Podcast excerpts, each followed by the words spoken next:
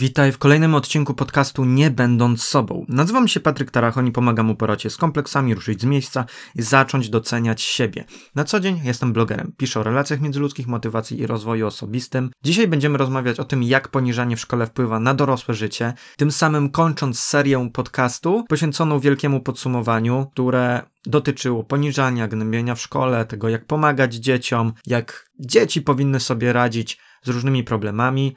Więc takim tematem zakończymy tę serię, a w przyszłym odcinku zrobimy sobie podsumowanie tego podsumowania. Więc nie przedłużając, zaczynajmy kolejny odcinek podcastu Nie będąc sobą.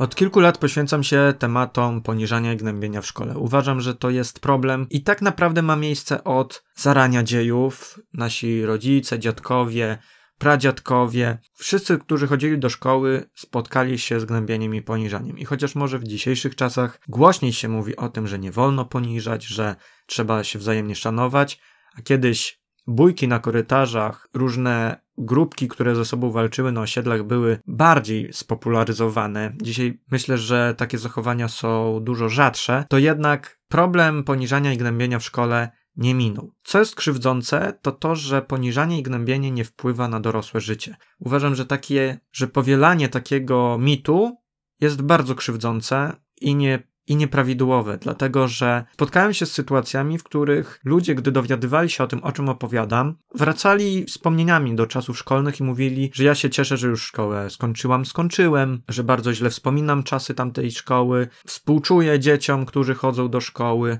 I wiele takich zdań padało z ust dorosłych osób, czasem nawet starszych, dużo starszych, którzy mówili, że szkoła zawsze była problemem, że nic się tam nie uczyło, tylko trzeba było umieć przetrwać, i słysząc to z ust seniora, zrobiło mi się naprawdę smutno, więc uważam, że ten temat warto poruszać. A jak poniżanie wpływa na dorosłe życie, jak te czasy szkolne odbijają się na dorosłym życiu. Więc ten problem poniżania ma wpływ na dorosłe życie i to nie mija tak za stryknięciem palców czy pójściem do terapeuty. Z człowiekiem to zostaje, wyrabia pewne nawyki, pewne uprzedzenia i Uważam, że w przyrodzie zarówno ludzie, jak i zwierzęta zapamiętujemy trudne sytuacje, które były dla nas stresujące, przerażające albo zagrażające naszemu życiu, i później się do nich odnosimy w podobnych sytuacjach. Czyli na przykład, jeżeli zostaliśmy zaatakowani, już w przyszłości uważamy na pewnych ludzi, na pewne sytuacje, jesteśmy mniej ufni. Co jest na przykład u zwierząt. Jeżeli zwierzęta były przez ludzi, nie wiem, kopane, były agres- byli ludzie wobec zwierząt agresywni, one też reagują później w określony sposób, boją się, nie ufają i tak dalej. I to zostaje z nami zakorzenione, bo taki mamy system obronny, czy jeżeli nam coś się wydarzyło w życiu, my później na podobne sytuacje uważamy. I na swoim doświadczeniu mogę powiedzieć tak. Bardzo długo zajęło mi, żeby polubić na nowo ludzi żeby się na nich otworzyć, cieszyć się ich towarzystwem. Całe szkolnictwo, moja edukacja nie skupiała się na tym, żeby pozyskiwać wiedzę, tylko po prostu, żeby przetrwać. I dzisiaj, więc szkoła w dużym stopniu odbiła się na moim podejściu do życia, ludzi.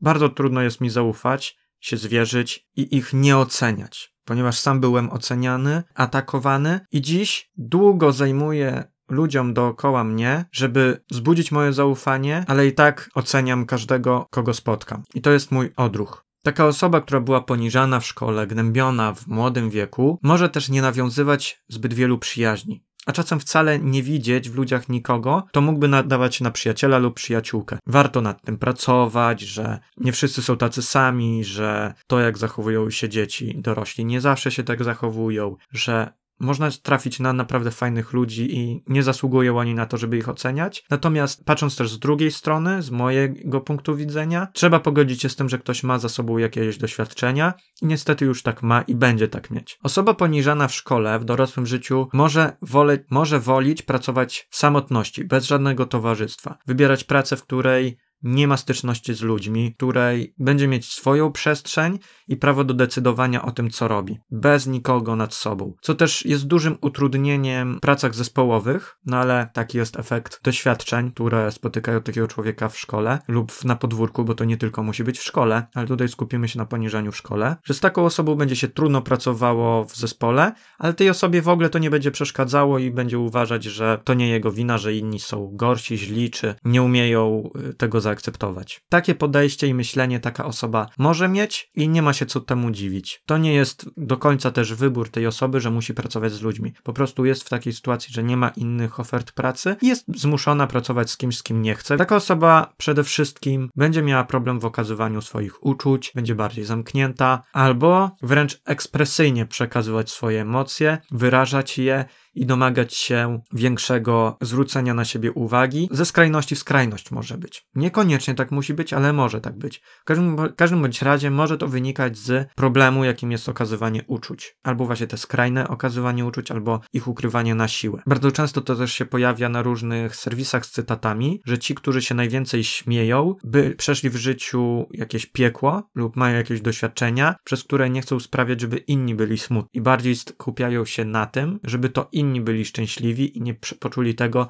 co taka osoba z doświadczeniami. Więc to też jest jakiś efekt tego, co spotykało takiego człowieka. Taka osoba może też tłumić swoje uczucia albo je bardziej wyrażać. Co jeszcze zwróciłem, e, na co jeszcze zwróciłem uwagę, rozmawiając z wami w wiadomościach, często pojawia się, że osoby, które nie były chwalone w dzieciństwie, nie były doceniane, ich wiedza, inteligencja była podważana, domagają się tego, żeby ich chwalić w takich codziennych czynnościach, na przykład coś zrobiło i chodzi cały czas podekscytowany. A widziałeś, widziałaś, co mi się udało? I dopytuje cały czas. A co myślisz o tym, co mi wczoraj się udało? Jesteś ze mnie dumna, dumny? I do zmęczenia pyta, mimo że już po raz piąty, szósty słyszy, że tak, jestem z ciebie dumna, super ci poszło, potrafisz ogarnąć tę sprawę. To też może mieć miejsce. Taka osoba może też nie radzić sobie w związku, czując przy tym winę za wszystko, co jest złe w relacji z partnerką lub partnerem, no bo jednak z jakiegoś powodu nie może się otworzyć, nie może dać z siebie więcej, ale bardzo chce i partner ma o to pretensje, więc to też ma wpływ na to, jakim jest się człowiekiem, że to poniżanie i gnębienie w szkole później odbija się też na związku i relacjach z ludźmi. Co też yy, ważne, szybko się zraża do ludzi. Ja tak mam, że wystarczy podpaść po kilku razach, ja już się nauczyłem odpuszczać, wybaczać, bo wiem, że każdy ma prawo do,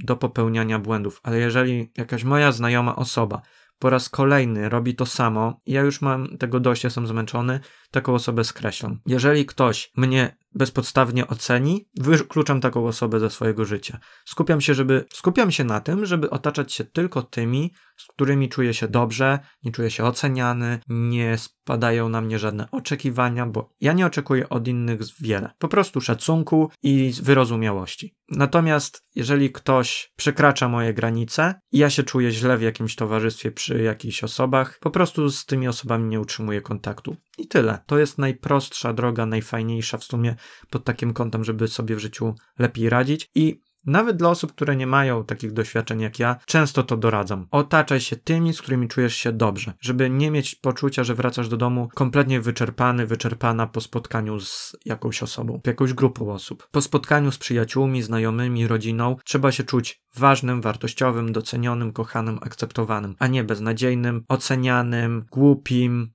niezabawnym, mało towarzyskim, gorszym pod względami pracy, życia, ogarniania spraw itd. Tak nie powinno tak być. Taka osoba, która była poniżana w szkole, bardzo długo radzi sobie z niepowodzeniami lub zawiedzeniem. Jeżeli zdarzy się w ich życiu coś, co ich zestresuje, na co nie mieli wpływu, co im się po prostu nie udało, bardzo długo to przeżywają w swojej głowie, wręcz nie śpią po nocach, przeżywają te sytuacje w swojej głowie, na róż, tworząc różne scenariusze. E, jak mogłaby się potoczyć sytuacja, gdyby zareagowali w określony sposób i gdyby byli bardziej zdeterminowani, walczyli, od razu wymyślali odpowiedzi, riposty, od razu dowalali lub od razu razu w jakiś sposób reagowali. A tego nie robią, gdy do takich sytuacji dochodzi, później to przeżywają, że dlaczego byli tak głupi. Co jest bzdurą, bo nie na wszystko możemy wpłynąć, nie na każdego człowieka możemy zareagować w taki sposób, jaki należy, lub w jaki moglibyśmy zareagować. Niestety, takie osoby to walczą z tym w swojej głowie przez nawet tygodnie. Ja ostatnio miałem bardzo taką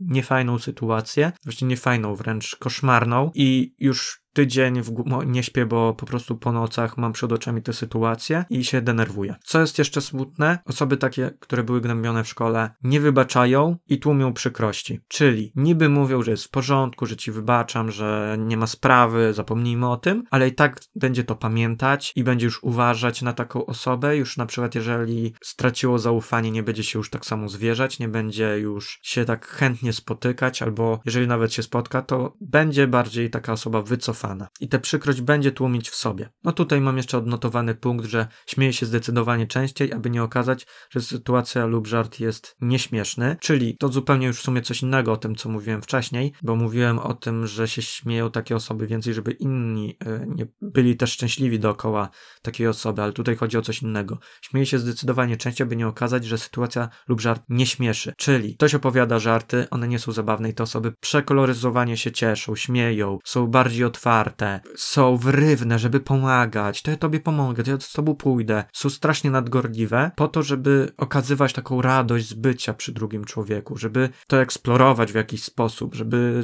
się cieszyć tym towarzystwem na siłę i przesadnie, do zmęczenia dla innych. Mamy za sobą 11 punktów, jak poniżanie w szkole wpływa na dorosłe życie. Podsumowując, człowiek nie ufa ludziom, stroni od nich i ocenia z góry, nie nawiązuje wielu przyjaźni, a czasem wcale nie widzi w ludziach nikogo, kto mógłby nadawać się na przyjaciela lub przyjaciółkę.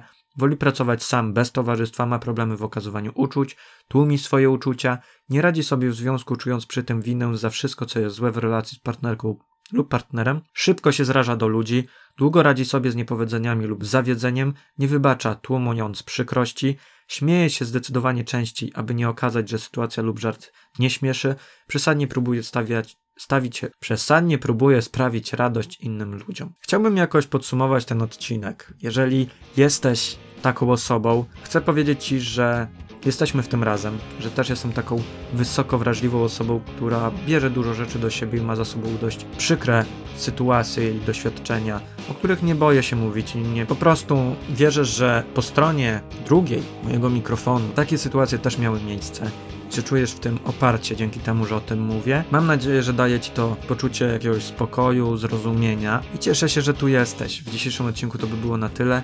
Ja nazywam się Patryk Tarachoń, pomagam uporać się z kompleksami, ruszyć z miejsca i zacząć doceniać siebie. Jeżeli chcesz dać sobie szansę na szczęście, zapraszam na moją stronę patryktarachoń.pl bez polskich znaków. Tam czekają na Ciebie moje książki, Atlas Marzeń, przygotuj się na start, ćwiczenia, pokonaj kompleksy, a także poradnik dla rodziców i e, taki krótki krótki e-book Jak uwierzyć w siebie. Zachęcam Cię do sprawdzenia. To będzie wszystko. Wielkie dzięki. Do usłyszenia w odcinku podsumowującym serię. Trzymaj się. Cześć.